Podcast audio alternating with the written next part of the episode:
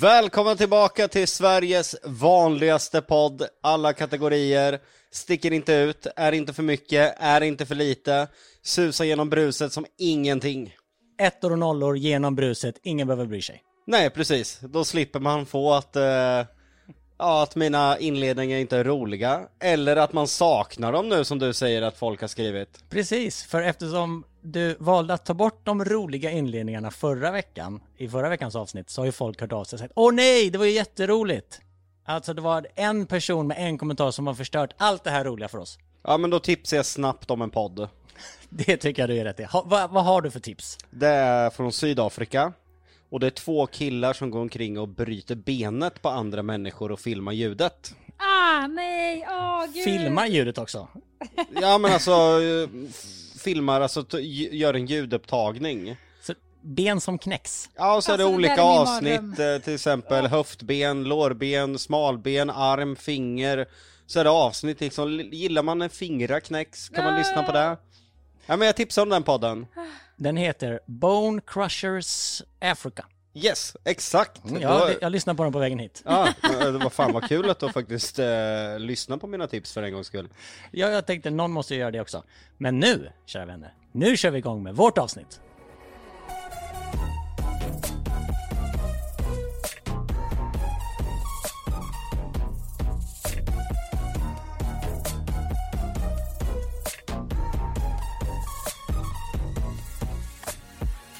Och innan vi kommer in på veckans tema så är det ju många som undrar Jocke, hur mår du? Du har varit ganska, eh, inte så mycket sociala medier den senaste tiden. Du har hållit dig undan. Ah, jag tar en dag i taget, eh, försöker undvika att prata om det som alla nog förstår. Men jag mår inte bra, men en dag i taget. Eh, göra det bästa av situationen. Eh, försöka fokusera på det som är bra. Fokusera mindre på det som är dåligt. De vanliga klyschiga tipsen. Funkar de då? Jo, men det måste jag väl säga. Det är väl tuffare vissa dagar, lättare andra dagar. Men jag har ju förberett mig på att eh, det är en lång väg tillbaka och må bra. Och jag har accepterat det och jag är beredd att gå den vägen. Jag måste ändå säga att lite av eh, det gamla glittret är tillbaka i dina ögon. Ja, men det är bra. Det känns skönt att höra. Glittrar det? Det gör det faktiskt. Vad säger du Jonna? Hur har eh, måendet varit den senaste tiden?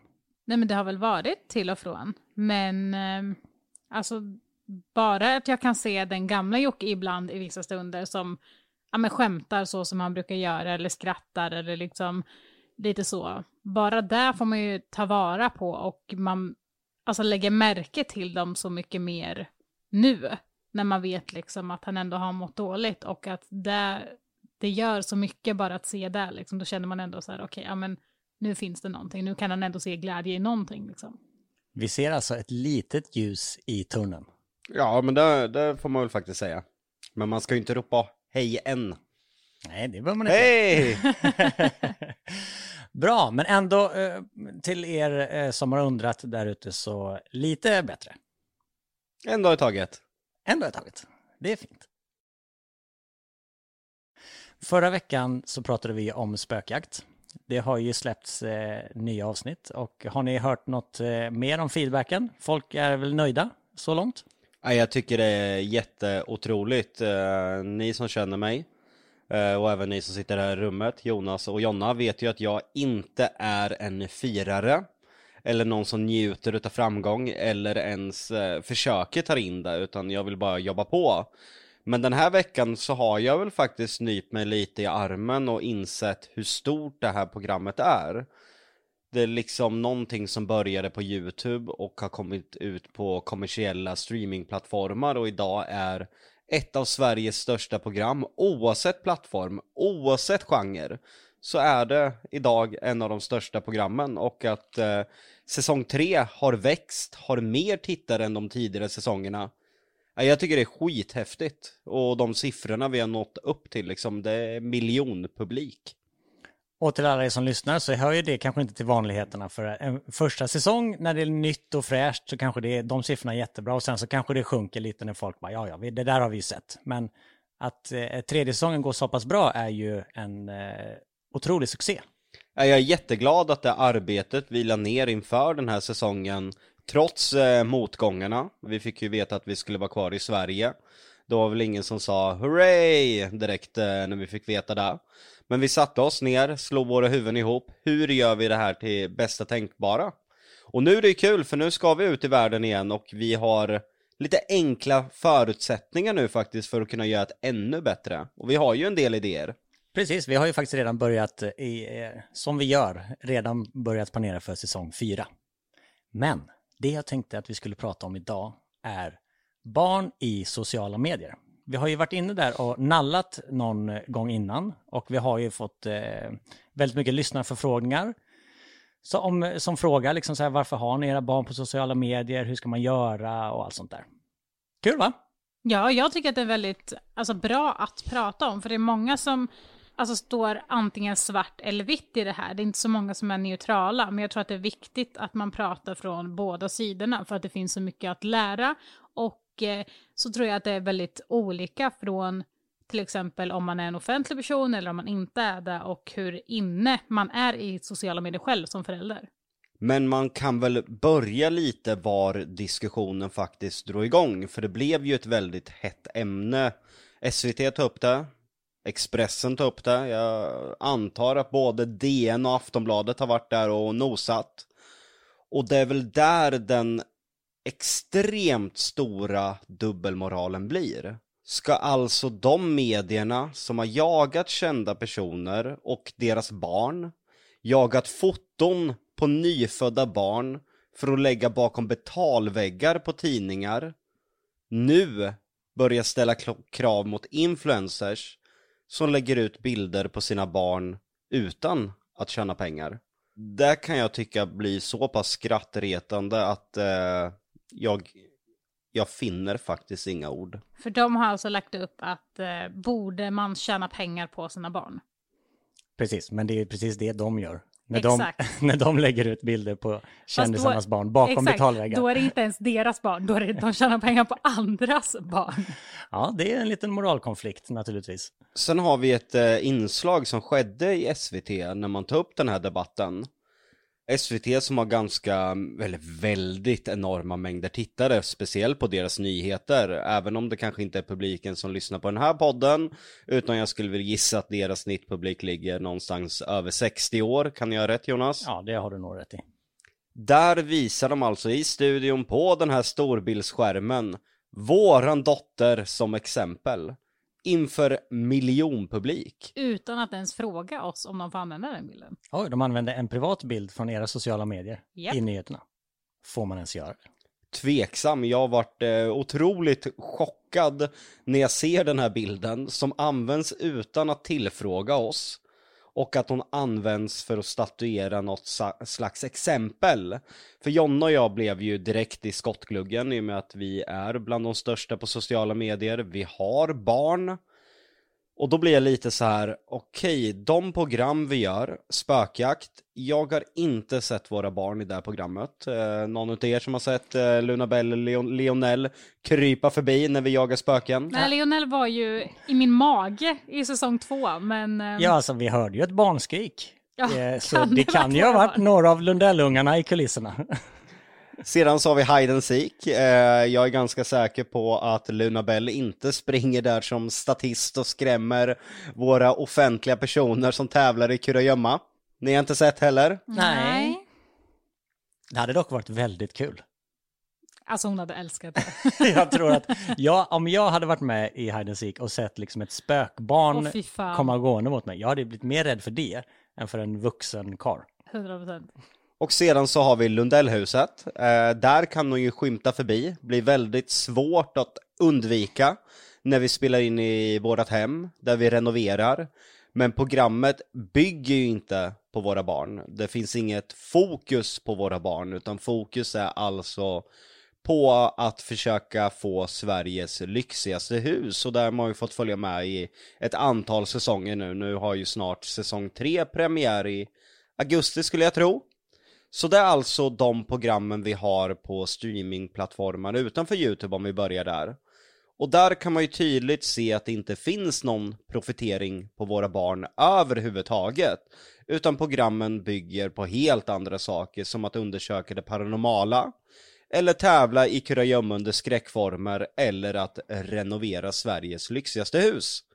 Men vad var det SVT hade för eh, poäng med sitt inslag då? Var det att eh, se, här tjänar de pengar på sina barn? Ja. Och det gör ni i själva verket inte? Nej, jag tror inte att de Nej. har någon koll. De ville väl... Alltså det här låter väl ganska hår, hård anklagelse, men eh, jag tror inte att tidningar gillar att eh, offentliga personer har tagit tillbaka makten att styra över sina egna publiceringar. Jag tror det är precis det det handlar om. Innan Instagram och YouTube och alla sådana här konton, då var det tidningarna som var först att visa, här har vi det nyfödda barnet. Nu är tidningarna nummer två, de snor i stort sett bilderna från instagramkontona på de offentliga personer som lägger upp att fy fasen, vi har fått våra barn, jag ligger här i famnen med vårt älskade barn som vi har längtat efter så mycket. Då kommer tidningarna, klipper bilden, lägger det bakom betalvägg. Nu har de fått barn. Men backar vi tillbaka i tiden så var ju de först med allting. Så det är alltså med andra ord, om vi lägger upp till exempel att vi har fött eh, ett barn, då lägger inte vi upp det och tjänar in, alltså vi lägger upp det men vi tjänar inga pengar på det. Medan tidningarna tar den bilden och tjänar pengar på det. Ja, det är ju eh, en märklig uppbyggnad. Och precis som du säger Jocke, så är ju maktbalansen har ju förskjutits där. För tidigare var det ju de stora mediehusen som ägde de publiceringarna och nu äger kända personer dem själv. Och det var då diskussionen kom. Diskussionen har inte kommit de senaste 50 åren där mediehusen har hysteriskt jagat offentliga personer. Nu vågar de ju inte det på samma sätt efter vad som hände med prinsessan Diana. Det var en krasch i en tunnel, hon omkom, blev jagad av paparazzis, väldigt uppmärksammad händelse, vad kan det ha varit, 25 år sedan? Ja, något sånt. Och innan så fanns det Se och Hör, en tidning som i stort sett byggde på att ljuga om offentliga personer. Hur många offentliga personer blev inte called out för att ha varit otrogna när de inte ens har varit det? Finns inte Se och Hör längre. Ja, Jag tror väl det är Hänt som har tagit över och jag skulle väl inte säga, jag låter Jonna prata, jag vet att hon har så Oh jävla mycket åsikter om den här smutsiga skitskvallerblaskan om man får kalla det där.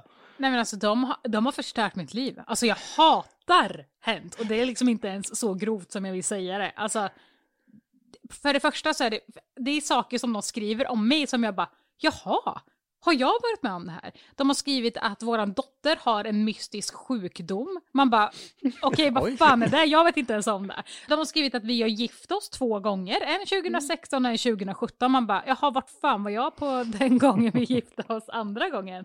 Alltså, de kan skriva typ så här att jag har bytt hårfärg och då får jag massa skit för det. För bara, folk skriver liksom i kommentarerna där, då bara vem fan bryr sig, vem fan bryr sig, lalala, vem tror hon att hon är? Man bara, men det är inte jag som skriver till dem att de ska skriva att jag har bytt hårfärg. Alltså jag, jag hatar den tidningen. Det finns, alltså in, jag tror inte ens att 10% av det som skrivs där är äkta.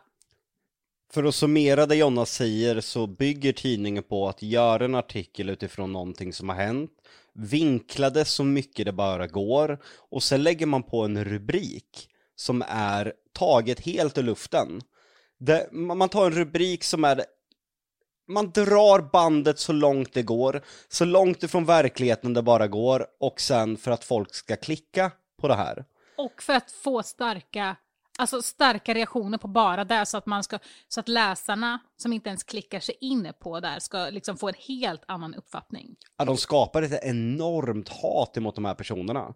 Eh, bland annat mig och Jonna då. Bianca är väldigt vanligt att hon får Ja, mycket... hela familjen Wahlgren. Ja, hela familjen Wahlgren har de ju riktat sig till genom att clickbaita de eh, verklig... eh, Alltså rubriker som är verklighetsfrånvända helt och hållet. Alltså jag ryser av hat. Kolla, jag ryser verkligen när du pratar om det för jag, det blir sån ilska i mig. Och det är så många influencers som har gått ut och eh, kritiserat den här tidningen. Jag har ett väldigt tydligt exempel som är så jävla vidrigt.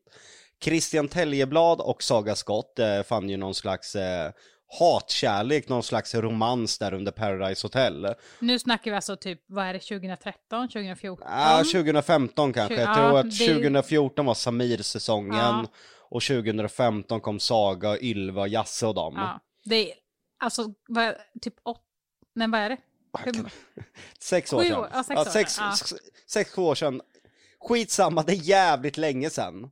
Precis när Christian ska gifta sig med Anna Pankova. De har ju varit ihop ett bra tag nu och haft ett giftermål. Jag tror de filmade till via Play. Anna och Christian Forever. Då går alltså Hänt ut med en artikel och clickbaitar. Så ser Saga Scott och Christians relation ut idag. Man bara, tack så jävla mycket. Och man bara, de har in, typ inte pratat med varandra kanske på fem år. Den vill, Alltså- man, den vill man inte läsa dagen innan man ska gifta sig. Nej, och det är ju bara för att folk ska tänka bara, oj, Han ska Eh, gifta ja. sig nu, imorgon. Typ. ligger en död grävling här liksom? Har han gjort någonting med Saga? Och då vill de få folk att, att klicka på det här. Och Saga har ju dessutom också ett, alltså ett väldigt seriöst förhållande.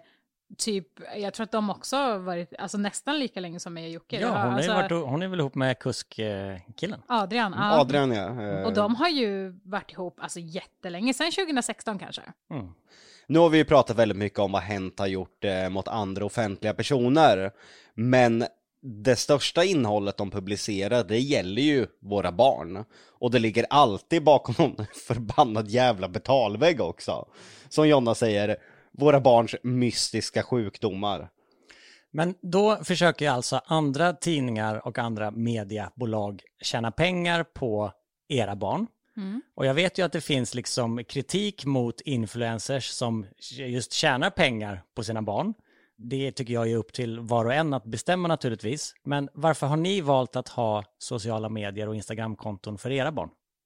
Alltså först och främst var det väl för att eh, när vi alltså, födde Luna Bell så kände vi okej det kommer bli en hel del bilder på våra sociala medier och det är inte, vi vill inte liksom bomba. Vi kan lägga upp några bilder då och då på våra men vi vill liksom inte bomba samtidigt som vi bara vill visa hela världen. För att det här är en jättefin dotter, hon är briljant liksom.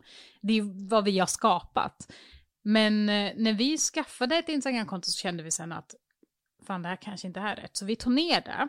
Och då märkte vi att eh, så fort jag var ute i affärer eller någonting sånt och gick med barnvagnen så var det folk som sprang till barnvagnen och bara körde ner huvudet där. Och liksom bara så här, skulle kolla på henne. Och det vart liksom nästan som att de skulle slita i henne om du förstår vad jag menar. Att det blir att de var så himla intresserade av henne. Och då kände vi att det här kanske blir en fara för henne. För att det, av erfarenhet så har vi märkt att om vi inte visar till exempel vart vi bor eller våra bilar, då är det så jävla intressant och då blir det förstört.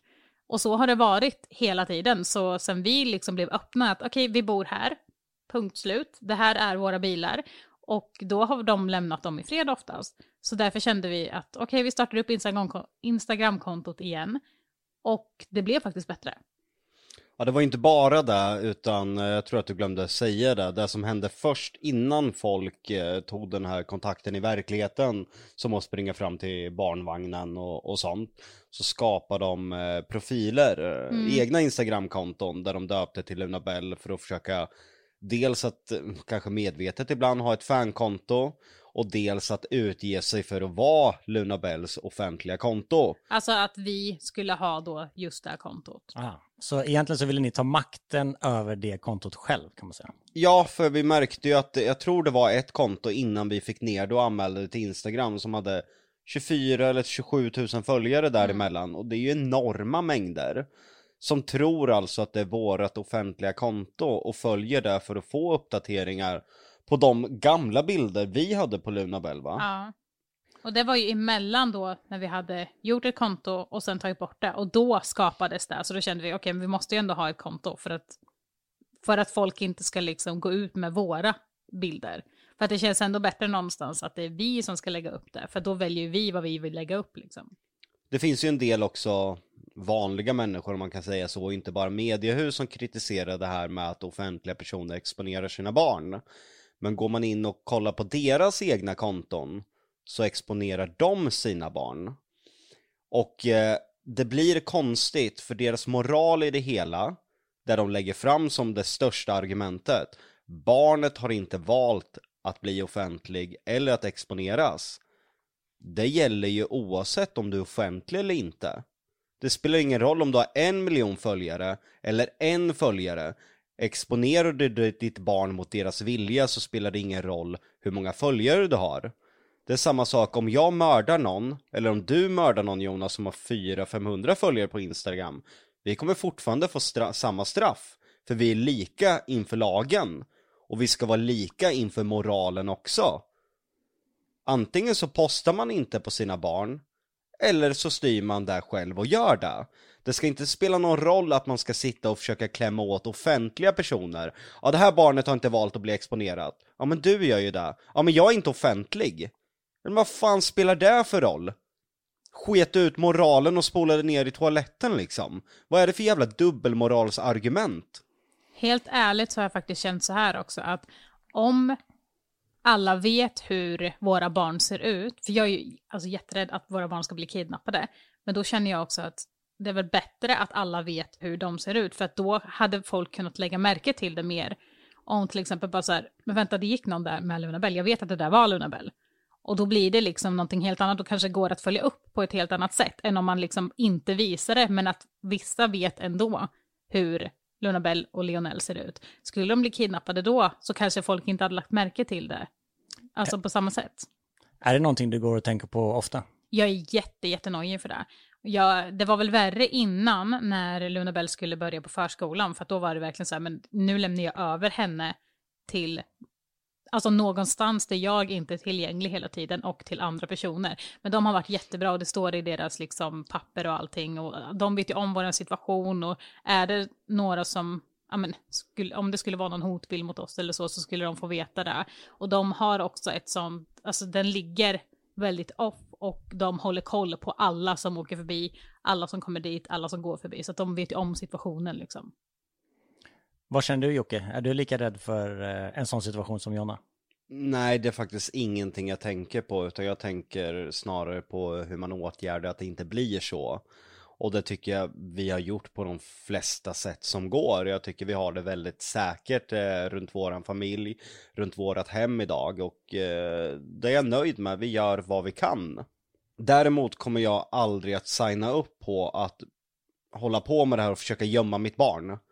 Luna Bell kommer bli äldre och undra what's going on. Så fort vi filmar någonting, nej men du får, du får inte vara här, gå undan, gå undan. Det, det kommer bli jättekonstigt för henne. Och det är också då alla andra får mer smak för det, liksom. Och att alla andra då lägger upp bilder för att, åh, kolla här är Luna Bell, eller här är Lionel, eller eh, här går de. Och, alltså det blir liksom mer intressant om man försöker dölja det. Ja, då blir det ju när vi går på stan, vi säger att vi inte har tagit en bild på henne på två år. Så här ser Luna Bell ut idag, och förstå hur mycket exponering det här kontot skulle få. Och då blir det samma sak med media, då ligger makten någon annanstans. Vi vill ha makten över våran dotters publiceringar. Vi vill ha makten att kunna prata med henne, berätta när hon blir äldre och förstår att vi är offentliga, och i grunden så går det inte att förhindra det här. Jag förstår inte ens varför det är en jävla diskussion om det. Vi är så pass offentliga att Luna Bell blir offentlig oavsett vad hon vill eller inte. Det har ingenting med publiceringen att göra överhuvudtaget. Utan samma sekund vi fö föder en dotter, vi säger att vi inte skulle säga det till någon, ja men då hade folk plockat fram det ur registret. För att eh, när barn föds så blir man registrerade. Och då hade tidningarna fått tag i det och lagt ut det. Och då ligger det utanför våra händer igen. Och då vet folk steg nummer ett, de har fått ett barn. Då, då har det spruckit, då är det inte hemligt längre. Steg nummer två, varje gång vi är ute så hade folk jagat bilder på det här barnet. Och förstå vilket liv det blir då istället. Att sitta och försöka gömma sig, försöka rymma. Det, det är inget liv och det är inte sunt. Kan jag som Michael Jackson gjorde, alltid hade så svarta slöjor och ansiktsmasker för sina barn. Nej, jag vill inte att mina barn ska vara med om något sådär. Våra barn ska ha en så normal uppväxt som möjligt. Vi kan aldrig hindra dem från att bli en offentlig person. Men vi kan göra så att deras uppväxt känns så normal som bara möjligt och det tycker jag vi har lyckats med. Jag tycker att Luna Bell hittills, Lionel är så pass ung att han inte känner av läget än, men jag tycker verkligen att Luna Bell har fått en fantastisk och en normal uppväxt hittills. Och det ska vi fortsätta med. Ja, alltså 100%. Och sen så är det ju också så att känner Luna Bell sen, nej men jag vill inte vara med eller jag vill inte göra det här. Det är inte så att vi bara, jo men nu måste du. Alltså det är ju såklart någonting som hon får välja, men just nu är det inte så att vi, det är inte så att, vi, att fokus är att exponera henne. Det har det ju aldrig varit och kommer aldrig vara, utan ja, vi lägger upp bilder. That's it. Men det är ju inte så att vi tjänar pengar på att lägga upp bilder eller videos eller någonting sånt på någon av barnen. Nej, och där finns det ju en stor problematik och, och där, där kan jag hålla med i kritiken mot de som gör det, men jag känner inte att eh, jag och Jonna är en del av den problematiken. Och det är ju att låta barn fronta samarbeten. Som att Luna Bell ska stå och visa upp grejer och kränga på sina sociala medier eller på våra och det är ett liksom nischat samarbete med Lunabell. Precis, för det har man ju hört, eh, även om inte jag är i YouTube-branschen på samma sätt, men influencers som får barn, det är ju värt någonting, alltså i rena pengar menar jag, men liksom samarbeten med blöjföretag, samarbeten med, med andra eh, barnsakstillverkare. Hur ställer ni er till sådana samarbeten? Nej, det tycker jag är fel. Och det står jag för. Barn ska inte användas och frontas i reklamsyften. Sen om jag gör någonting, eh, jag behöver jobba, eh, jag måste ha Luna Bell, om hon är med när jag gör ett samarbete med Lyko, hon har suttit i mitt knä, fått lukta, lukta lite parfymer och sådana grejer. Det är inte att hon frontar samarbetet, utan jag har ett jobb, eh, jag behöver ta hand om mitt barn samtidigt, ja men hon sitter med i mitt knä. Det är en helt annan sak. För att jag tjänar pengarna oavsett om hon sitter i mitt knä eller inte. För att dealen med Lyko är att jag testar parfymer. Jag ger ut en rabattkod. Inte att Luna Bell ska sitta där i samarbetet och testa parfymerna. Jag har ju gjort samarbeten som har, alltså som jag kanske inte hade fått om jag inte hade haft barn, till exempel jag menar, barnprodukter och sånt där. Men det är ju någonting som jag alltid har varit intresserad av oavsett om jag har haft barn eller inte, som att jag har haft som barnlängtan alltså sen tidig ålder liksom. Så det är väl bara att jag kan göra det nu för att det är relevant i mitt liv för att jag har barn. Och sen då kan det vara att jag kanske visar upp en barnvagn och har barnen i barnvagnen, men det är ju för att det är relevant för just det, för att jag ska visa kanske hur spännet sitter eller för att jag är inte mammaledig så att jag måste jobba och ha Lionel till exempel. Men det är ju inte så att jag har tjänat pengar för att de är med. Jag har ju sett influencers, jag vill inte nämna några namn för jag vill inte skicka någon eh, hatstorm eller någonting. Utan jag tycker att alla ansvarar för sitt eget. Sen kan jag ha åsikter om människor men jag känner inte att jag blir bättre människa av att sitta och kasta skit på andra. Men jag har ju sett andra som låter sina barn eh, fronta samarbetet. Och att samarbetet är direkt insålt till deras barn. Och det tycker inte jag är okej. Eh, om det hade hjälpt mig själv, eller hjälpt mig själv. Men jag eh, tänker inte stå där med en pekpinne utan där får de här personerna ansvara för. De kanske har en annan åsikt om mig och fine, då får de ha det. Det, det är deras barn. Jag är inte förälder till deras barn och ska komma och säga vad de ska göra. Så känner jag. Jag känner väl att eh, alltså man, man ska inte göra det för att det är insålt till barnet eller alltså göra det för att tjäna pengar för att barnet ska vara med. Eller så här, jag ska kunna känna att, okej, okay, men som Jocke sa, att det här lyckosamarbetet har jag fått, det spelar ingen roll om barnen är med eller inte, för att det står inte inom brief att man ska ha barnen med och det ska liksom inte vara ett måste att barnen är där, utan det ska vara, ja, ah, nu råkar de sitta här. Så det ska inte vara, handla om att barnet ska vara i fokus eller att det är till barnet, utan det kan ju vara så att man har till exempel en app som är inriktad till barn, då kan det ju vara bra om barnet pusslar så att man ser liksom hur barnet kanske pusslar det här pusslet eller någonting sånt. Men det ska inte vara liksom att barnet måste vara där och man får inga pengar om barnet inte är där. Nej det är vidrigt, jag har fått eh, sådana förfrågningar och eh, Jonna också. Där Luna Bell ska vara i fokus och testa vissa grejer och då säger jag far åt helvete. Alltså jag blir vansinnig. Jag har sagt det, jag sitter inte och tvingar min dotter att göra massa jävla saker och vara någon jävla skådespelare framför kameran. Det finns inte en möjlighet i världen. Alltså jag hade inte kunnat sova om natten om jag tvingade mitt barn som kanske vill göra något helt annat. Så här, Nej pappa, jag vill gå ut och bada. Nej, du ska smaka den här klubban nu. Du ska jobba, Luna Bell. Ja. Pengarna måste in. Ja, det blir ju som, alltså det blir ju rakt av ett barnarbete. Står hon i bakgrunden när jag jobbar? Och få göra vad hon vill helt fritt. Det är en helt annan sak. Eller om hon testar där du testar för, för att, att, hon vill. vill. Ja. Mm. Ja men så är det, det är samma För att hon luktar på en parfym för att hon vill, så åh pappa den där luktar gott.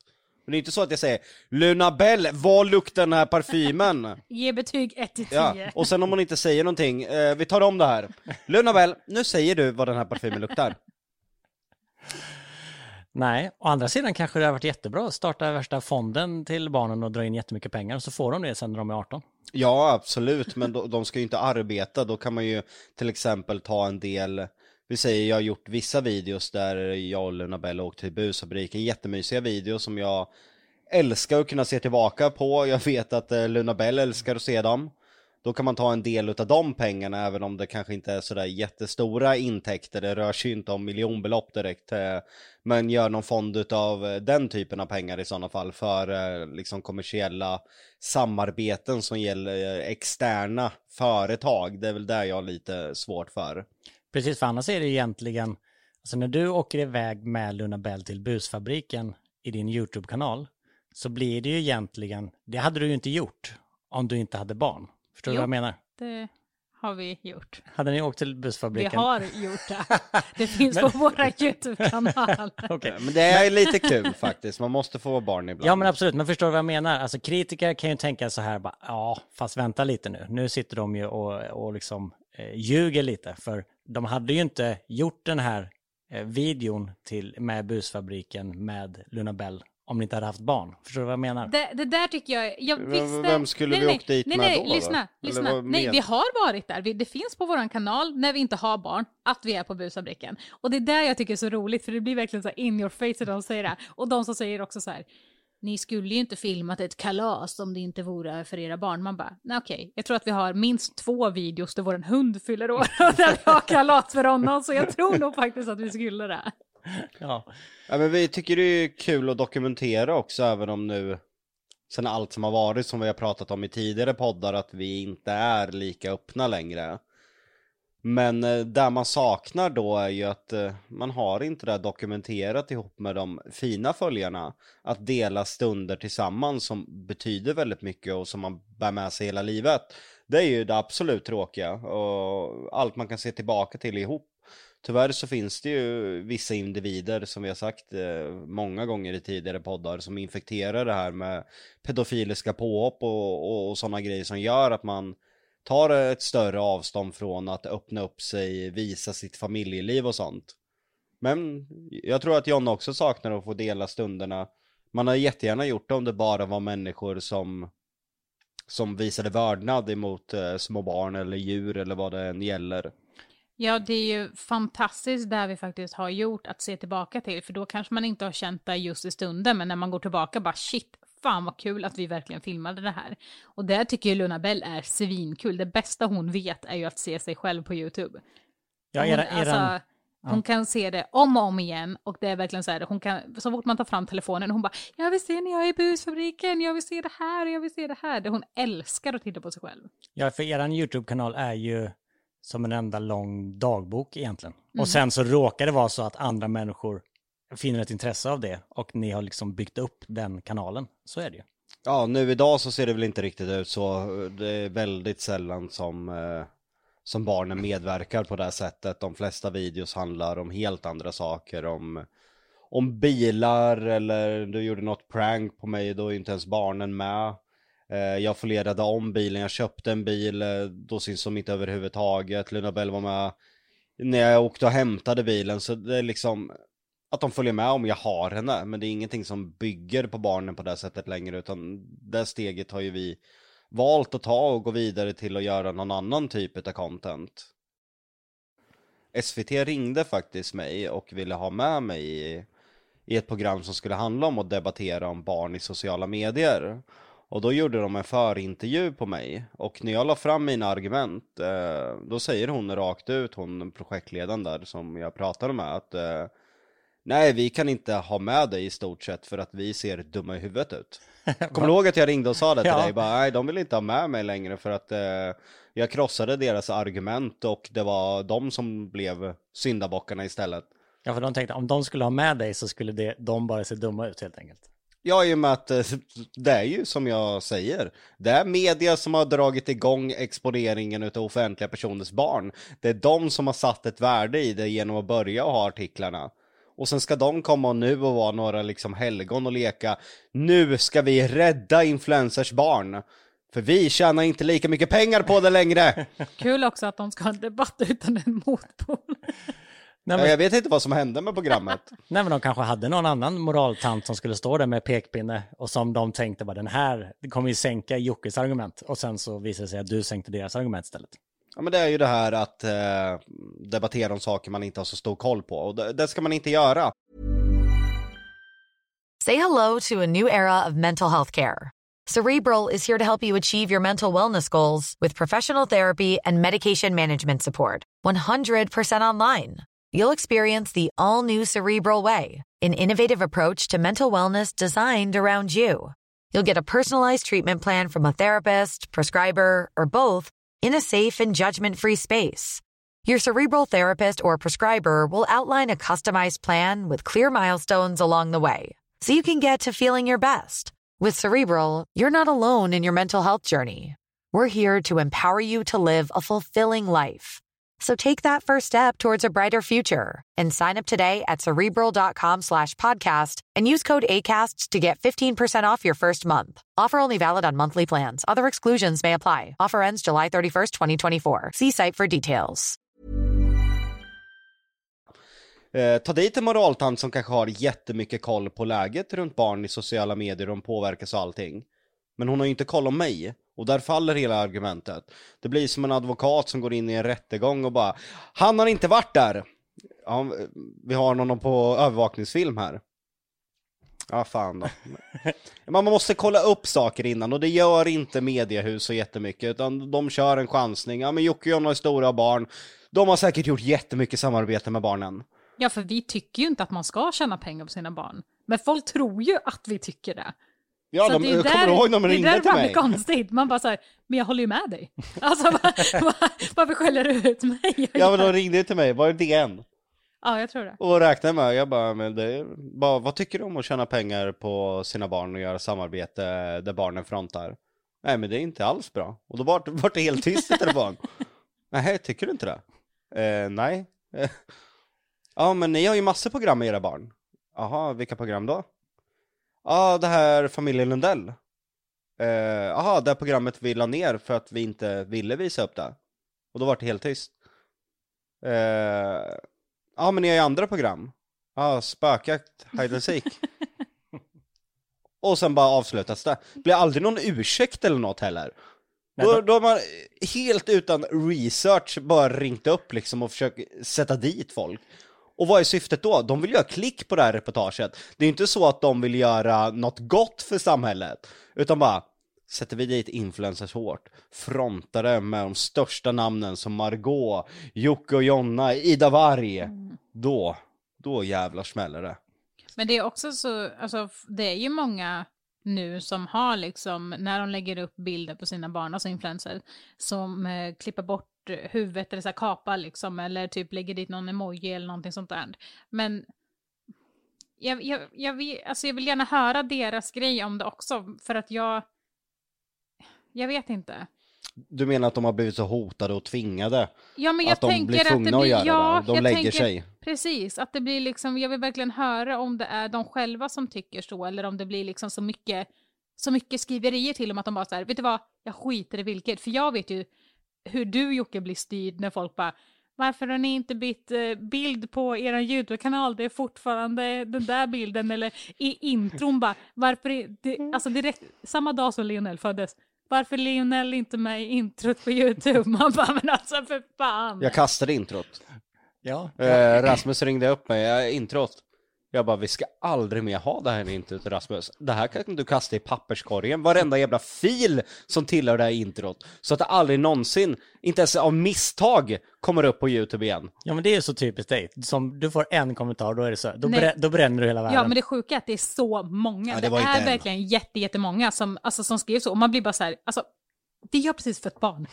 Lämna oss i fred, jag skiter. Vi har inte hunnit spela Nej, in något jävla intro med bebisen. Jag skiter i det där jävla introt. Och sen typ, nu vet jag att Jocke är inne på att byta kanalnamn. För att han bara, ja men, ja, det, eller för folk skriver att, ja men det är ju inte bara Jocke och Jonna i kanalen, det är faktiskt fler också. Då ska du skriva Jocke, Jonna, Daniel. Batman, Daniel, Lionel, Lunabell, Och kanske andra. Rasmus. Nej men alltså familjen Lundell är ju ett bättre namn på kanalen för vi är ju en familj och även Daniel ingår i familjen.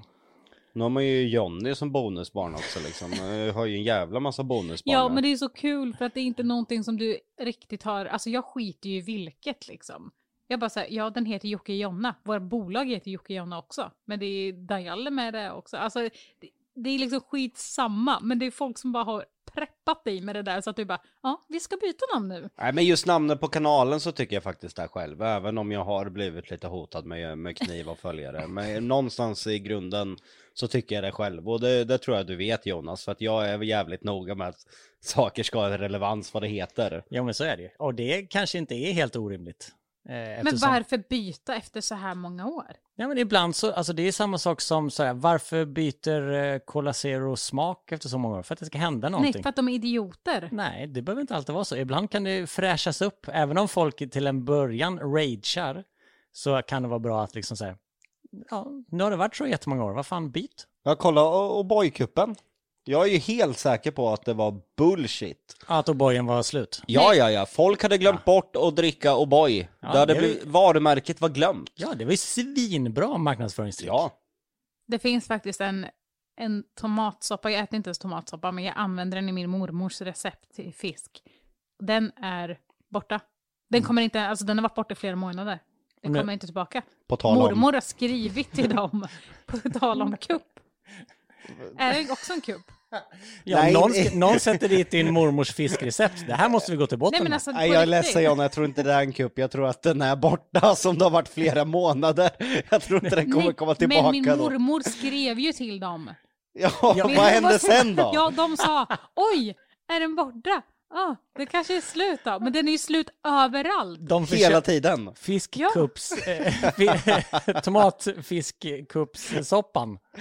Som aldrig Är det här riktigt sant? Det Det- låter jättekonstigt att företaget Det som är säljer det här Det är Felix.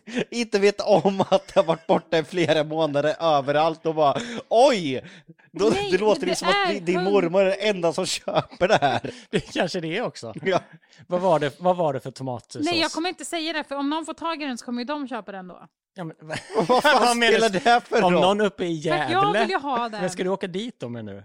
Nej, det är de väl kan bättre ju så- posta Nej, men- för fan Men Jonas. det, det är väl bättre? Det är väl bättre då att göra en shout-out? Ja, Okej, du kanske får okej, råd. Okej, lyssna nu då. Det är en glasburk, ni vet så här, ja men tomat, eller Ja, sopporna men vi, som vi Felix vet hur en glasburk ser Ja men, ut. typ, så, sopporna som ligger i glasburk från Felix. Mm. Ehm, nej, Findus kanske det är. Jag vet inte, Findus När de eller där det finns köttfärs... Ja, den eh, du, den du äter i köttsoppa. Köttsoppa, Ja. så finns det köttfärssoppa, så finns det någon jävla Grönsakssoppa. Ja, och sen Mm. någon skit. Och sen eh, finns det tomatsoppa. Är inte det den- pastaringar i den? Nej, nej, nej. Den ska bara vara tomatsoppa. Det är bara ren tomatsoppa. Okej, så är det någon som vet, eh, det är antingen Findus eller Felix. Det är i en glasburk och det är Med ett rött lock. med ett rött lock och det är eventuellt bara Det tomatsås i. är bara tomatsås. Kanske lite pastaringar. Nej, nej, nej. Det är inte Har pastaringar. ni sådana, skicka dem till Jonna. Ja. Så hon kan göra sin mormors fisksopparecept. Nej, inte fisksoppa. Jag, jag, jag, Det är ingen soppa, det är fisk. Bara fisk. jag, jag, jag tror inte det är en kupp. Folk tycker väl den är så jävla äcklig att ingen köper den. Nej, men då skulle de sagt att vi skulle sluta med den. Skulle de sagt till min mormor då. De kanske ringer så ofta att de inte vågar säga det till henne. To be continued. Det här kommer, nu sitter lyssnarna på tårna där hemma, vill jag lova. Och, och önskar att få en besked i nästa avsnitt. Ja, jag, kommer, jag kommer gå till botten med det här, det kan jag säga. Ja, det är, Gör en YouTube-video av det. Ja, det kommer jag göra. Ta med Luna Bell och Lionel och tjäna jättemycket pengar på den. Mina barn vill faktiskt ha den här maträtten. Men å- åter till eh, frågan då. Om, nu är ju era barn så små. Min son som är sju sa till min fru häromdagen att eh, mamma, jag vill inte att du tar kort på mig och lägger ut på Instagram.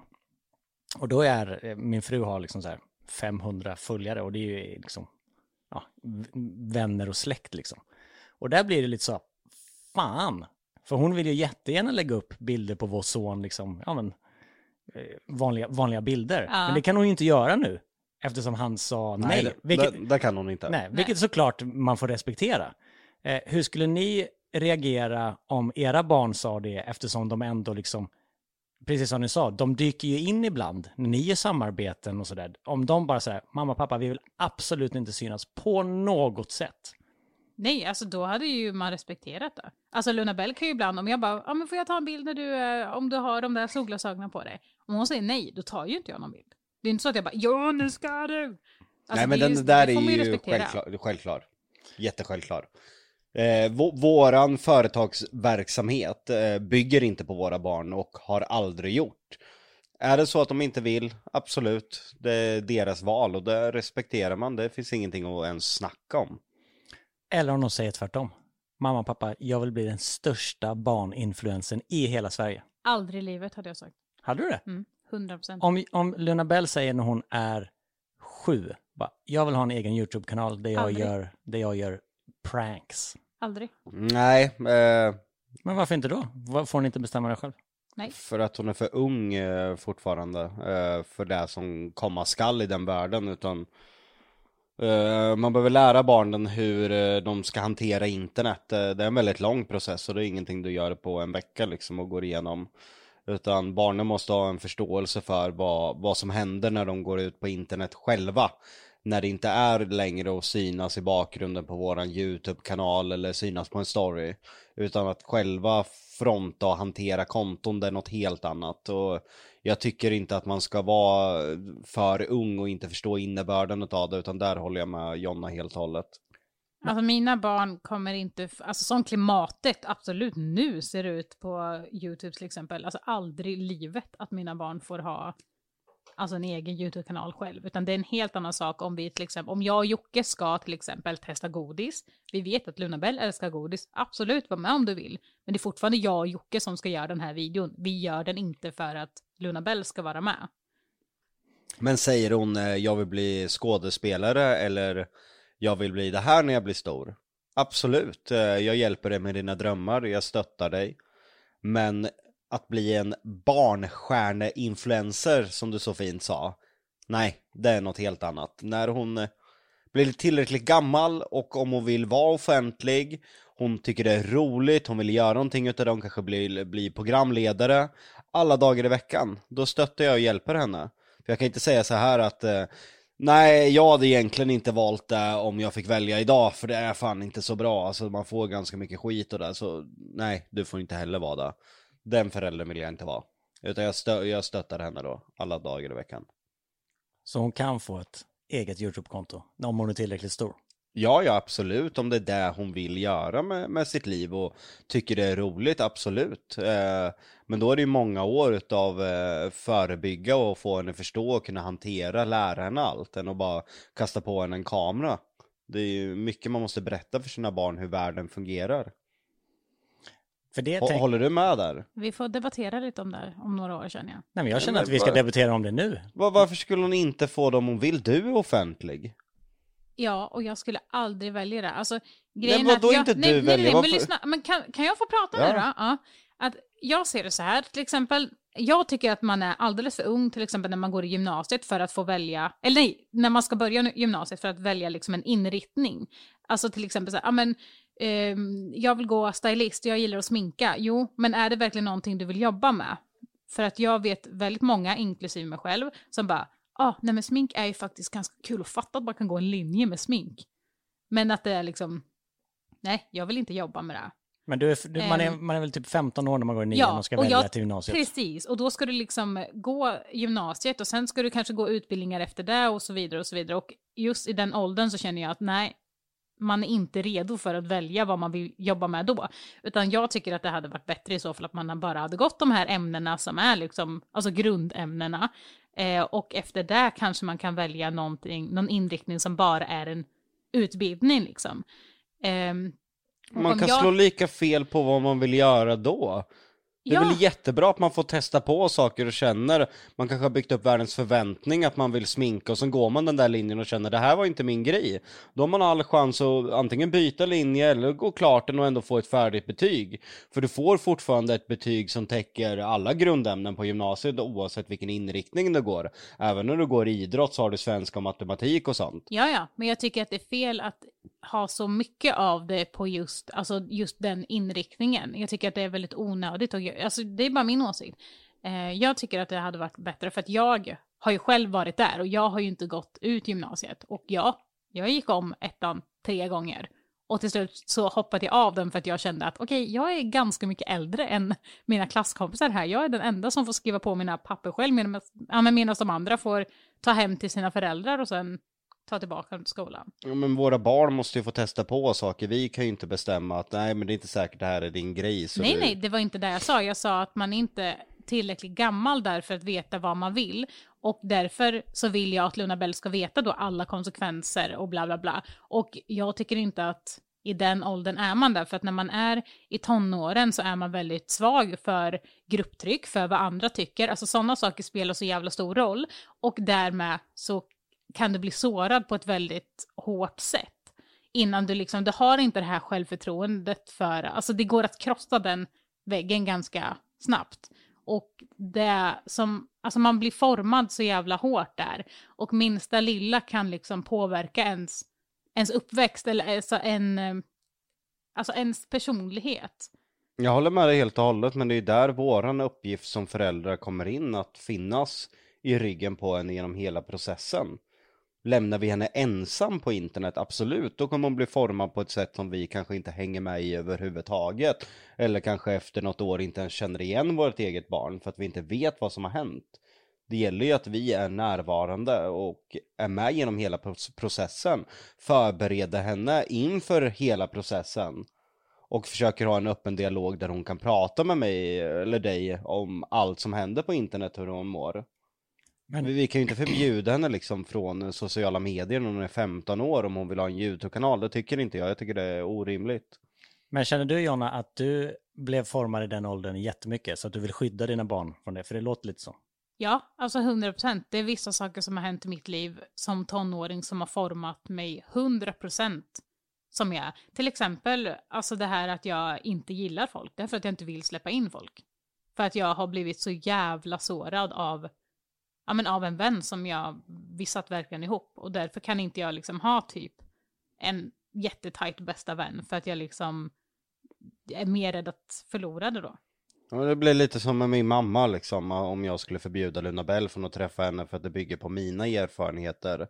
Det här är ju dina erfarenheter och eh, din, det. din upplevelse av livet och Luna Bell måste ju få sina upplevelser av livet på, på, på samma sätt som du har fått och det är ju inte säkert hon får samma dåliga erfarenheter. Hon kanske får jättebra erfarenheter eller så kanske hon får dåliga med något helt annat.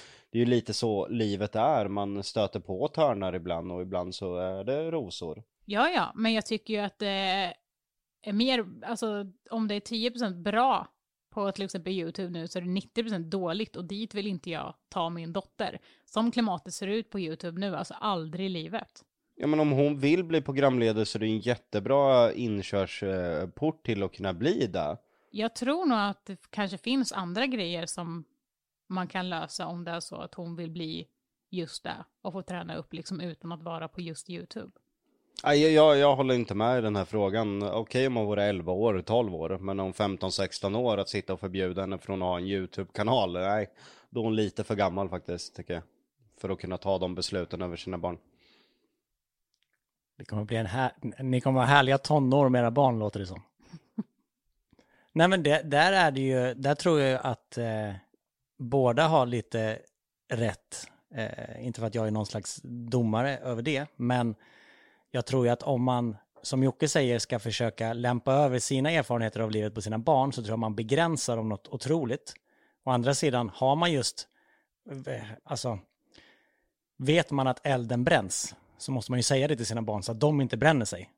Eh, man kan ju inte bara säga, ja men fan du får uppleva det själv, gå in i elden så får du se vad som känns. Utan det är ju liksom, jag tror att det är en balansgång där som man som förälder måste välja. 100 procent. Om vi säger att alla plattformar är lika stora som de är idag nu när hon blir äldre kommer det ju komma andra plattformar som tar över, det kommer ju förändra sig hur det ser ut.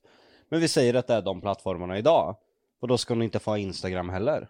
Jag vet inte. Alltså det är ingenting jag kan säga. Jag vet inte hur klimatet ser ut eller jag vet inte hur jag är eller hur hon är eller hur folk är mot henne eller vad som har hänt. Alltså det är ingenting som jag kan sitta och säga nu. Men jag säger som det ser ut nu så skulle hon inte fått ha YouTube. Ja, fast hatet finns ju, kan ju komma på Instagram på exakt samma sätt. Det är ju ingenting som isolerar sig på YouTube. Jag skulle ju kunna säga att det är bra mycket värre på Instagram och ännu, ännu värre om vi skulle ta TikTok som exempel eller Snapchat eller vad det än gäller. Ja, TikTok har ju också sagt innan i till och med podden att det skulle jag inte låta henne ha, men det är ju för att jag inte har, jag vet inte hur TikTok fungerar. Så men om man är 16 år kan du inte avgränsa henne från internet. Men det var inte det. Men det, alltså, det låter du, nej, för du, nej, för jag sa jag är inte insatt i det, så jag vet inte, alltså jag måste sätta mig in i det för att kunna låta henne ha någonting. Oh, men du sa Instagram, jag vet inte. Alltså, för att få vara med i den sociala världen när det gäller skola och sånt. Eh, barn som inte får använda internet, alltså det blir en väl att klart de blir, de blir mobbade. Det, alltså, det, det, alltså. det är sanningen. Det är väl hänger man- klart att hon kommer få ha internet. Ja, men vad fan ska vi ha en telefon där vi sitter och plockar bort alla appar och sätter spärrkoder för att de inte ska komma in på in, Instagram och sånt? Ja, My- my- 100 procent. Vi ska mycket- låsa in henne i huset också. Vad fan ska få läsa Aftonbladet och Expressen för Nej, att hänga med? inte ens det. Nej men barn läser inte tidningar, de hänger med vad som händer i världen genom sociala medier, till exempel Instagram och Snapchat. Ja. De vet på grund av, det, det är inte på grund av Aftonbladet eller SVT de vet vilka som vinner valet eller om Stefan Löfven får avgå, utan det sker via sociala medier. Och tar vi bort det från våra barn när de är 15-16 år, Men alltså vart har jag sagt det? Jag brinner jättemycket för, eller jag är verkligen för att folk ska hänga med. Det här med att man ska, att folk ska, att barnen blir mobbade om de inte hänger med. Och därför måste de kunna få vissa saker som är inne, eller få möjlighet att kunna hänga med. Som, man kan inte sitta liksom, med, om alla ens kompisar har en iPhone och sen har man en eh, Nokia 3310, det funkar inte så. nej då blir du, blir du tyvärr ja, utanför. exakt. Och jag är ju för det, så vad fan är det du håller på att brinna för? Ja, jag tror inte vi, vi är ju inte för det att det ska se ut så, men det är så det är. Och det är ju det jag pratar om, det är ju det jag menar. Att de måste ju hänga med, de måste ju va- kunna vara inne. Ja, tyvärr är det ju så. Det är hemskt att det är så. Men det är så det ser ut. Helst allt skulle jag vilja att man hade skoluniformer. Det tycker, det tycker jag verkligen. För så slipper man se, okej den där har smutsiga kläder, den där har trasiga kläder, den där. Det blir ju en slags ranking i vem som är mest värdefull genom tillhörigheter. Jag kan tycka, varför ska du ta med en mobiltelefon till skolan? Överhuvudtaget. Och det är just det där jag menar med att folk påverkas så mycket i den åldern. För att det kan vara så att någon kanske kommer med ett par, ja men som i mitt fall, så hade jag en, en sydd gympapåse. En, alltså en hemmasydd gympapåse. Jag tyckte den var ganska nice, men det blev, jag fick ju blickar och då var det så här, okej den här kan inte jag ha. Och då, fast det var, då utgick jag inte från att jag gillade den, utan att folk, vad folk tyckte om den. Ja, jag, jag har jätteerfarenhet. Jag bodde hos fosterfamilj, det vet ni. Mm. Väldigt gammaldags fosterfamilj. Man, eh, det fanns inga tv-spel, det fanns eh, mobiltelefoner, började komma på den tiden, glöm det. Eh, kläder köptes på något som hette Bonus, 25 kronor per jeans. Och jag vet vad det ledde till i skolan, och jag vet hur utanför jag blev. Jag hängde inte med i någonting i musik, vad som var modernt, för jag hade inga CD-skivor som var modernt på den tiden. Jag visste inte vilka låtar som var populära. Jag hade inga samtalsämnen att hänga med i. Det enda jag kunde vara med i var fotboll. För det var väldigt enkelt att, att ha en fotboll liksom och vara med i ett fotbollslag. Men utöver fotbollen så hade jag ingen chans att komma in i ett enda socialt sammanhang. Nej, det är jätteviktigt att, alltså, att hänga med i, liksom med utrustning eller lite kläder och sånt. Sen behöver du inte ha det värsta värsta. Men det är viktigt, alltså som förälder att liksom, för att man blir väldigt utdött och det är det jag menar att man tycker att nu kan jag ha så här, ja, jag sitter här själv, men fan bryr sig, jag skiter väl i vad fan du tycker om mina grejer eller hur jag ser ut eller vad det nu är. Men det, så känner man inte som i den åldern, utan man blir så jävla påverkad av allt alla andra tycker. Ja men det finns ju många föräldrar som, eh, som du säger, utgår ifrån sitt eget. Jo men det är väl inte att bry sig om vad de andra säger. Åk till skolgården själv och var där. Man måste förstå vad barnen genomgår. Och jag ska eh, tillägga extra en ytterligare gång. Jag tycker det är jättehemskt att det ser ut så här. Men det är så här och man tvingas tyvärr att acceptera det. Man kan inte försöka gå emot, jag ska stoppa att det är så här. Mitt barn ska inte få ha det här och det här och här. Jag ska gå- gå emot strömmen. Den enda du skadar är ditt barn. Tyvärr är det så. Jag tycker snarare att man får, eh, embracea det. Alltså jag tycker, jag har en dotter som är nio och en son som är sju. De har mobiltelefoner båda två, lär sig jättemycket via dem. Precis som jag lärde mig engelska genom att liksom spela dataspel eller kolla på serier när jag var liten, så lär de sig, min son till exempel, han älskar flaggor och har liksom ett flaggspel på sin telefon där han, han kan, alltså på riktigt, jättemånga flaggor. Så jag tycker ju att man kan använda de nya sakerna som, ja, men som eh, då, min generation kanske inte hade när jag växte upp. Det, måste, det kan man ju inte se som ett hot, utan det måste man ju ta till sig. Jag vet jättemånga barn i alltså, två, tre års åldern som lär sig väldigt mycket engelska. Och sen så är det ju viktigt att de ska prata sitt modersmål så att de inte blandar så mycket för att där kan ju bli ett problem när de ska skaffa vänner och så sen att de inte ska blanda så mycket olika språk i en och samma mening eller så. Men det är väl jättebra att de är, alltså, lär sig engelska från Alltså från eh, sånger eller från liksom paddan eller telefonen och så vidare för att kunna lära sig mer, alltså få ett bredare språk liksom. Ja, en lite rolig brasklapp. Mm. Eh, jag älskade flaggor när jag var liten också. Det var oh. det bästa jag visste.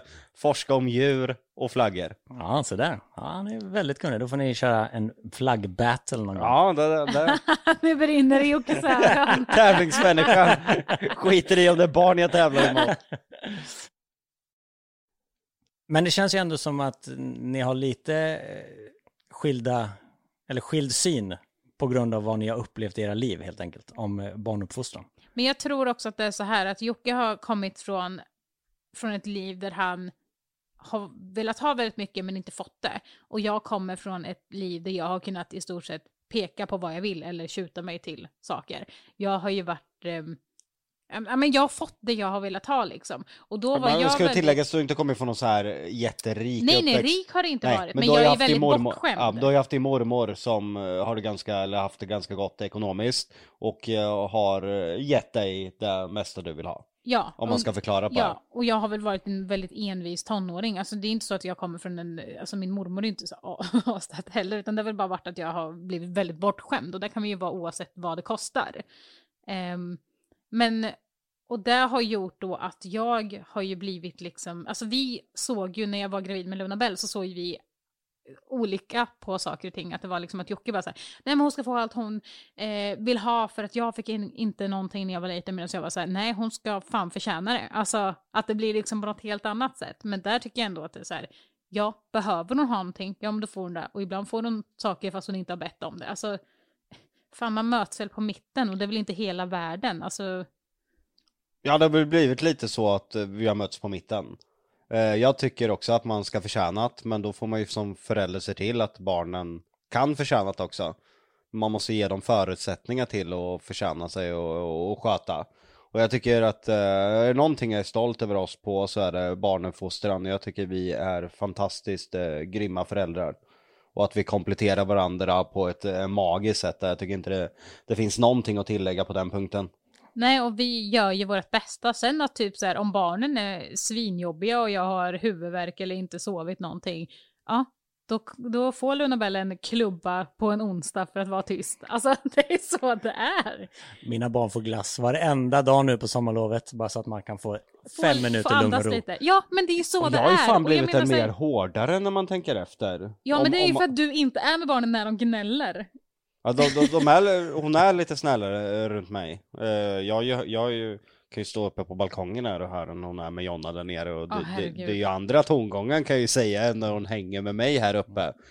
Men jag har lärt mig jag, jag brukar ju gå ner och hämta henne och säga ska vi vara med och plocka med mig i garderoben. Ja precis, medan jag kan inte säga sådana för det tycker hon är skitkul när du säger då liksom. Så att det blir att du blir den här roliga lekfarbror nu och jag blir en jävla surkärring. Men det känns ju som det är superklassiskt. Ja, att det, det är mamman som eh, då vanligtvis kanske tar mest ansvar när det kommer till barnuppfostran. Mm. Även om vi i Sverige är väldigt jämställda när det gäller den punkten kanske. Så är det ju kanske mamman som sätter mest riktlinjer och pappan är så här, och nu kommer pappa hem från jobbet, vad kul, då får vi leka. Ja. Och morsan bara, fy fan, dra åt helvete allihopa. Här har jag kämpat hela dagen för att få det att funka. Ja, ja, men jag kan ha suttit, alltså Luna Bella är inne i en period nu där hon är väldigt så här, nej, nej, jag ska inte göra det, jag ska inte göra det. Och hon vill inte äta, hon är ju ganska, alltså nätt så. Så jag får ju panik om hon inte äter, så jag försöker verkligen, till slut så är det ju så här, okej, men eh, vad vill du ha? Vill du ha en bulle? Alltså bara hon får i sig någonting liksom. Och sen kan jag säga, säga till henne, okej, om du äter upp allt det här, så har jag lagt upp liksom en liten portion, då får du göra så här. Och sen sitter hon och äter, sen går jag bara och hämtar ett glas vatten eller någonting. Och då har hon gått därifrån för att då har Jocke sagt, ja men ska du följa med till affären och köpa glass? Nej, när du äter är jag stenhård. nej, nej, nej, nej, det här Då- hände faktiskt i veckan. Du, och jag bara, ah, skulle inte du äta upp Lundabell? Du bara, aha, oj, förlåt. Ja men då är det väl att jag missade, för jag är ju den hårda Ja, med ja, men jag maten. menar Mär- bara att- Märker jag att hon inte lyssnar på dig, då får hon sitta tills hon har ätit upp. Och då sitter jag med henne, så får jag pedagogiskt se till att hon äter upp maten, inte så här ät! Nej, Utan- men det jag menar är att du har inte hört när jag har sagt att om du äter upp det här så kan du göra det här. Utan då har du inte hört det och sen kommer du in och bara, "Ja, men eh, Lundabell, ska du följa med på det här? Och hon bara, ja! Och sen har hon inte tagit en enda tugga liksom. Nej, det är den klassiska piskan och moroten i barnuppfostran. Ja, ja men det, det är svårt och det är många säkert som tänker att det här, så här kommer jag bli som förälder. Och sen när man blir det så märker man att okej, eh, här behöver jag kanske gå emot vad jag har sagt. Och det är där jag menar med nu, att vi kan sitta och säga vad som helst om eh, uppfostran eller om sociala medier och allt sånt där. Men det går ju liksom inte, vi måste ju vara där för att kunna veta hur man ska hantera det eller vad man ska göra överhuvudtaget. Så är det verkligen. Och det känns som ett ämne som vi kan fortsätta att prata om, för jag tror att det finns väldigt mycket. Det här var ju bara en punkt som ni var lite osäkra på. Eh, jag tror vi kan diskutera det här vidare i andra avsnitt. Ja det är ju lite kul när man tycker olika, för då får man ju diskutera. Ja, men jag såg ju, det. du taggade ju till direkt. Vad, vad menar du? Ja. Får, hon inte ha, får hon inte ha en YouTube-kanal om hon är 15 om hon vill? Nej men jag, jag, det lät ju lite som att hon... Det Ja, men här... du, nu såg du faktiskt det bara svart och vitt. Du bara, aha, ska hon inte ha en telefon heller eller? Man bara, va? Nej men jag, jag kände det där som när jag var äh, hämnd mot min mamma. Och då, om man backar tillbaka ett par år. Då hade jag haft synen att, nej men hon är ju hon är en hemsk människa. Mina barn ska inte utsättas för henne. Jag, jag, jag fick lite de vibesen. Nej men okej, om vi ser det så här, alltså jag menar ju bara så här att jag, som det ser ut nu, nej, för att klimatet är som det är. Och sen kanske det är så att Luna Bell kanske formas till en person som är väldigt, väldigt lättkränkt. Hade du fortfarande bara, ja, ut på YouTube, det är vad du vill. Man får hjälpa henne att, att vem jo, hon blir kan, som ja, person. exakt, det är det jag menar. Det är exakt det jag menar, att det är så svårt att säga någonting nu för att det är så himla långt bort. Man har ingen aning. Och sen vad är ens lättkränkt idag? Idag, men- är, idag är det ju lättkränkt om eh, jag ville knulla din dotter eh, och så blir man irriterad, då är man ju lä- lättkränkt idag. Den där, den där, den där här liksom kompassen för vad lättkränkt är, jag vet inte ens vad det är längre. Tar man inte mobbing, ja men då är man lättkränkt. Ja, men jag menar ju bara så här, om hon tar åt sig av väldigt mycket, om hon inte liksom står upp så mycket för sig själv. Ja vi får se vem hon blir, Ja. det är upp till oss. Det är verkligen upp till er. Hon sa till mig förut att eh, Jonas, jag vill jättegärna ha en YouTube-kanal, kan du hjälpa mig? Hon, Så det ska jag hon göra. frågar dig ja, så det ska jag hjälpa henne med. Nu ska jag eh, anordna ett YouTube-konto till Nobel här efter podden. Ja, Men en, eh, innan vi slutar, en rolig grej. Mm. Eller inte rolig, men att man förstår att hon får ett medvetande. Eh, vi hade varit på affären. Och då säger hon till mig för första gången någonsin att hon plockar in den här offentliga världen. Vi har aldrig liksom haft det på tal överhuvudtaget, utan vi har bara varit som en familj. Vilken familj som helst. Eh, men då säger hon, varför tittar folk på oss? Va? Ja, jag berättade ju det för dig när vi hade varit på Hemköp. Och det var säkert mycket för att Ferrari var ny då också, hon åkte med mig. Men hon, hon, hon var väldigt obekväm för att jättemånga människor tittade. Och hon kände att folk tittade på henne och då frågade de mig, pappa, folk tittar liksom. Du vet på hennes Ja. ja. maner hur hon Mm. pratar. Hur kändes det då? Men var det mer så här, de tittar oss? Ja, alltså, eh, ja. ja, titta på mig sa hon. Jaha. Inte på oss utan det var, hon tyckte att de tittade på henne. Men var, hon- var hon glad i? Eller alltså, för hon är ju väldigt spexig. Har vi folk här hemma, då är hon ju klassens clown. Alltså 100 procent. Nej, jag, jag, jag tyckte nog alltså, hon var lite Obekväm, chock... eller? Inte obekväm, chockad skulle jag nog säga. Men jag gav aldrig in någon diskussion för hon är ju som sagt var två år, åtta månader där någonstans. Mm. Så det är fortfarande lite för ungt för att ha en diskussion om varför folk tittar på henne. Men det, det gav mig ändå en tanke, för det var första gången det lyftes från att vi egentligen har kunnat låtsas att vi är en vanlig familj för att barnen inte märker av om någon kommer fram och tar bild eller någonting, för att eh, för de, de, de fattar inte vad som händer. Utan det här var första gången offentligheten vart på riktigt. För Men har vi inte haft det, ga- alltså varit ganska duktiga då på att ändå liksom leva ett normalt Att normalisera. Ja. jo, det tycker jag absolut. Men hur kändes det för dig när hon sa så? Jättekonstigt. Eh, det är någonting jag kommer bära med mig. Jag, jag förstår inte att du inte kommer ihåg det. Jo, jag hem- kommer ihåg att du sa det, men jag tänkte det inte på det sättet, utan jag tänkte bara så här att de bara hade tittat. Alltså, Jaha. Nej, utan det är någonting jag kommer bära med mig. Alltså det känns inom mig. Jag vet inte. Jag vet inte direkt hur jag reagerar på det. Det är bara någonting som har etsat sig fast om du förstår vad jag menar. Det blir en första så här, oj-upplevelse kanske. Alltså med offentligheten och barnen så. Ja, för nu börjar hon ju närma sig ålder för ett riktigt medvetande. Mm. Det är ju för varje dag nu kommer hon ju utvecklas. Precis. Och hon kommer ju märka mer och mer att mamma och pappa inte är så normala, höll jag på att säga. Nej, men inte är, så, inte är som eh, andra när hon börjar skolan och sånt där. Det är, det är inte jättelångt bort. Påminn mig inte. Det är ett, Nej, det är ett Jockes rädsla, Ja, typ. det är en jättedilemma. Där däremot eh, vill inte jag släppa ut henne i en svensk skola. Så som det ser ut i klimatet. Och där är vi också väldigt, alltså jag vet inte vad jag tycker och tänker. Jag vill ju såklart hennes bästa. Jag vill, alltså, det är det som är så jävla jobbigt. Jag vill att hon ska vara en normal person. Men det går inte, för att vi är inte normala. Alltså vi Det är är, inte liksom, ja. Nej, vi, vi droppar det. Jag ska bajsa och kissa. Det är en annan diskussion. Det är skitjobbigt alltså. Det är en annan diskussion, ett annat avsnitt. ja. Och om ni har någonting ni vill skriva eller säga till podden så gör det på Instagramkontot sanningen måste fram. Och nu säger vi Hej då! Ja, för Wiedersehen! auf Wiedersehen. Hej då! Tack för att ni lyssnar. Ciao ciao!